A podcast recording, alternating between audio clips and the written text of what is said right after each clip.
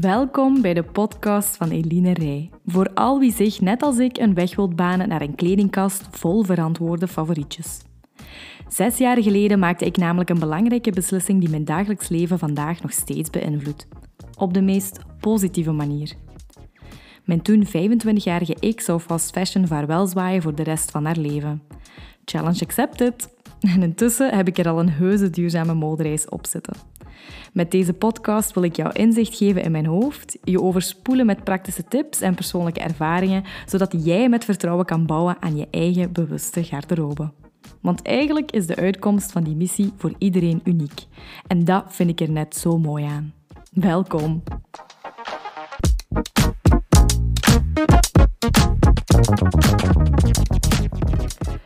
Voor deze allereerste podcastaflevering, ik moet toegeven, ik vind het nog wel een beetje spannend, ehm, neem ik je graag terug mee in de tijd. Um, Zo'n zes jaar geleden maakte ik een belangrijke beslissing die mijn dagelijks leven vandaag nog steeds beïnvloedt. Op de meest positieve manier bedoel ik dan. Het, het, ging toen niet zomaar over een goed voornemen à ik ga dit jaar iets minder kroketten eten of ik ga mezelf nog eens een nieuwe skill aanleren.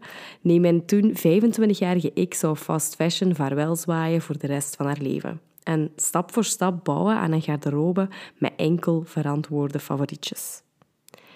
Niet anders dan vandaag had ik op dat moment, eind 2017, een blog en een Instagram-community met wie ik dagelijks lifestyle en kledingtips deelde. Ik nam hen dus virtueel mee naar elk persevenement.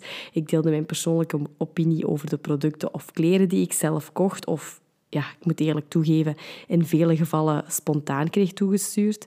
Ik waande me eigenlijk een soort van enthousiaste redactrice van mijn eigen online magazine.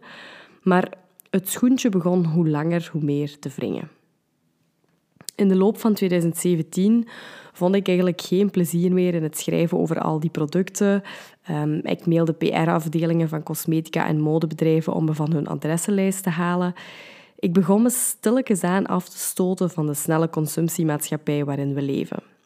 Om de simpele reden dat ik die materialistische of koopverslaafde insteek totaal niet matcht um, met wie ik intrinsiek ben of met welke dingen dat ik in het leven echt naar waarde hecht.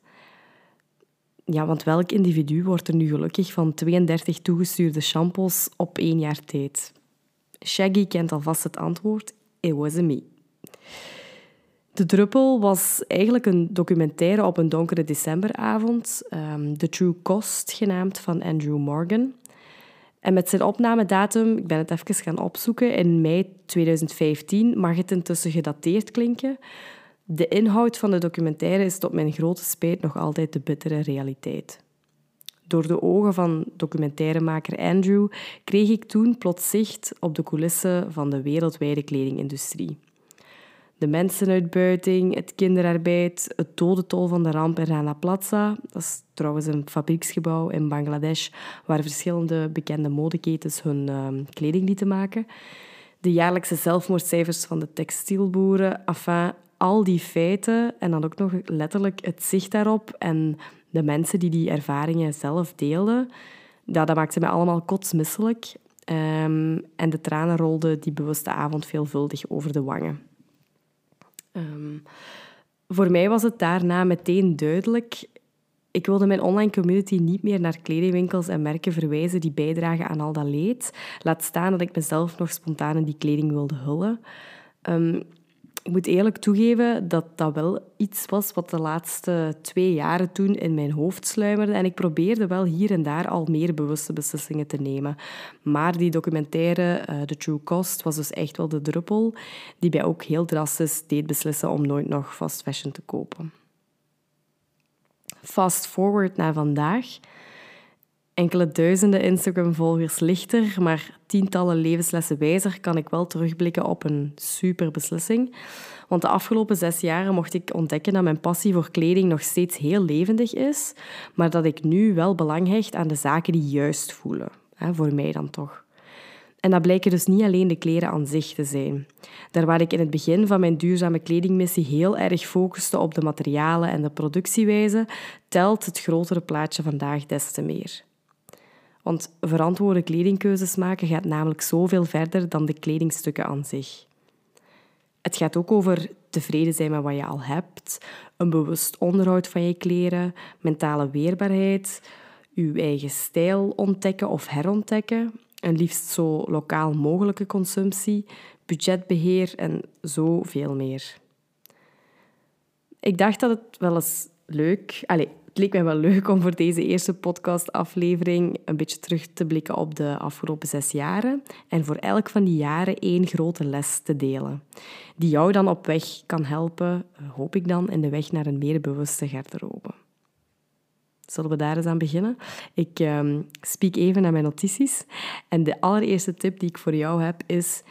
Neem eens een keer een half uur de tijd om stil te staan bij jouw huidige garderobe. Vraag jezelf eens een keer af of dat je blij bent met de kleding, welk gevoel je garderobe op dit moment bij je oproept, of er misschien items zijn die je mist. Misschien kan je ook je grootste miskoop eens een keer benoemen en waarom dat die er is. En ik zou die antwoorden niet per se in je hoofd proberen oplossen, maar ik zou ze echt eens een keer neerpennen. Dus neem een notitieboekje en beantwoord de vragen die ik de afgelopen seconden heb opgenoemd. En na dat moment van reflectie kom je ongetwijfeld al tot fijne inzichten. Dit is trouwens een oefening die ik elk jaar voor mezelf probeer te doen, soms spontaan, ehm, soms gepland. En elke keer opnieuw kom ik zelf ook weer tot nieuwe inzichten. Dus enfin, dat is mijn favoriete aanrader waar je heel gemakkelijk mee kan beginnen. Mijn tweede tip is dat je moet weten dat niet iedereen dezelfde eh, invulling eh, geeft, liever, aan duurzame kleding. Uiteraard zijn er vaststaande feiten waar je simpelweg niet omheen kunt, maar er zijn evenwel variabelen die je zelf kan invullen. Onderzoek welke elementen voor jou van belang zijn. Zijn het ecovriendelijke materialen? Is het een eerlijke productie? Is het een lokale productie? Is het positieve sociale impact in het productieland? Is het het feit dat je vegan keuzes wilt maken. Of misschien wil je gewoon consuminderen omdat je nu eenmaal koopgevoelig bent. Mijn derde tip is: ehm, maak niet dezelfde fout als ik wanneer je ervoor kiest om effectief nooit nog fast fashion te kopen. In het begin vond ik het namelijk moeilijk om kleding van internationale ketens te blijven dragen. Um, dat voelde niet juist en het zat onterecht tussen mijn twee oren. Want natuurlijk is het niet de bedoeling om je garderobe van de ene op de andere dag volledig te gaan verduurzamen. Je moet echt wel genieten van het proces. Rome was ook niet op één dag gebouwd. En als ik dan naar mijn eigen garderobe kijk, is er bijvoorbeeld nog een Zara-jas die ik al zeven of acht jaar heb en nog altijd heel graag draag. Mijn sportkleren, mijn tenniskleren, mijn skikleren van in der tijd, dat zijn ook Ehm, ja, allemaal onbewuste aankopen, zou ik het nu niet per se noemen, maar aankopen geweest waarbij ik absoluut niet stil stond bij de materialen, de merken, um, de productiewijze enzovoort. Dus mijn grote boodschap is, um, koester de kleding die je al hebt, ongeacht van welk merk dat dat komt. De vierde tip gaat eigenlijk over keurlepels en certificeringen. Ik raad ze heel regelmatig aan als een van de parameters om een verantwoord kledingmerk te herkennen. Maar je mag je hier ook niet 100% op vastpinnen. Want net als het materiaal van een kledingstuk, hè, dat je dus heel gemakkelijk op je etiket terugvindt, geeft het wel een goede indicatie, maar het geeft dan ook weer niet alles prijs. Dan um, wil ik je ook nog meegeven dat het meest duurzame kledingstuk al in je kledingkast hangt. En daarom is het zo belangrijk dat je je huidige items koestert en indien nodig herstelt. Die zorgzame mindset geeft je een andere kijk op je kleding en je, ja, het leert je gewoon appreciëren wat dat je al hebt.